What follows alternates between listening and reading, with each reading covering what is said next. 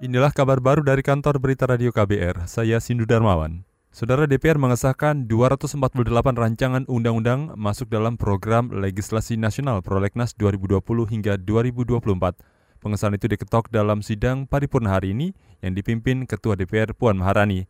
Dari jumlah RUU tersebut, empat di antaranya merupakan RUU carryover, yakni RUU KUHP, RUU Bea Materai, RUU Pemasyarakatan, dan RUU Minerba. Dengan status carryover, maka empat RUU itu tidak perlu dibahas dari awal. Jadi apakah laporan Badan Legislasi DPR RI terhadap prolegnas Undang-Undang 2020-2024 tersebut dapat setuju? Setuju ya? Terima kasih. Selanjutnya persetujuan rapat paripurna ini akan ditindaklanjuti sesuai dengan mekanisme yang berlaku. Ketua DPR Puan Maharani menuturkan jumlah rancangan undang-undang dalam prolegnas tersebut merupakan target yang prestisius sekaligus menjadi tantangan bagi Dewan. Ia meminta DPR dan pemerintah berkomitmen merampungkan seluruh rancangan undang-undang tersebut tepat waktu. Presiden Joko Widodo mengklaim telah memperhitungkan aspek lingkungan dalam pembangunan ibu kota baru di Kalimantan Timur. Jokowi mengatakan proyek pertama yang bakal dibangun di sana adalah kebun bibit seluas lebih dari 100 hektar. Ia memastikan pembangunan ibu kota baru tetap mengutamakan kelestarian lingkungan.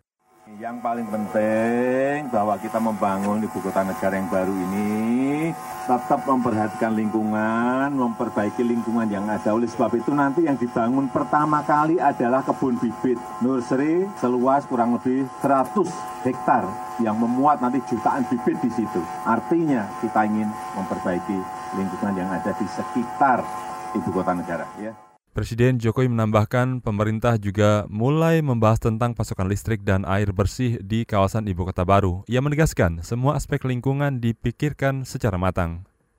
Perusahaan asuransi milik negara PT Jiwasraya tak sanggup membayar premi nasabah yang jatuh tempo Desember ini. Total nilai gagal bayarnya mencapai 12,4 triliun rupiah. Direktur Utama PT Jiwasraya Heksana Trisasongko meminta maaf kepada nasabah atas penundaan ini.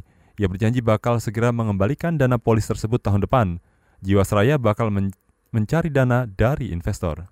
Tentu tidak bisa. Jadi seperti yang saya sampaikan di awal, sumbernya adalah dari corporate action di mana makanya saya mohon maaf kepada seluruh nasabah dari awal saya sampaikan saya selalu tidak bisa memastikan tanggal berapa karena ini memang semuanya dengan proses. Itu tadi Direktur Utama PT Jiwasraya Heksana Trisasongko. Sementara itu, Menteri Keuangan Sri Mulyani menengarai ada tindak pidana dalam kasus Jiwasraya.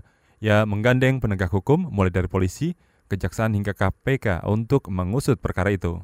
Saudara produksi gabah di Purbalingga, Jawa Tengah diperkirakan turun tahun ini lantaran kemarau panjang. Kepala Dinas Pertanian Purbalingga, Mukodam, mengatakan musim kemarau yang lebih panjang menyebabkan luasan sawah puso.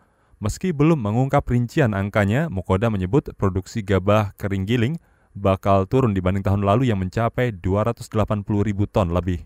Uh, produksinya secara total 200 281.368 ton GKG.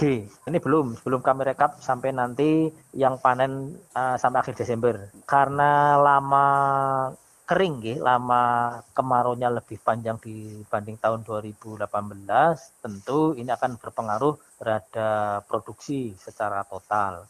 Kepala Dinas Pertanian Purbalingga Mukodam optimistis stok pangan tetap aman karena turunnya produksi gabah tak signifikan. Ia mengklaim dinas dan kelompok petani sudah melakukan berbagai antisipasi kemarau panjang seperti pengairan dengan sistem pompa. Demikian kabar baru dari kantor Berita Radio KBR. Saya Sindu Darmawan.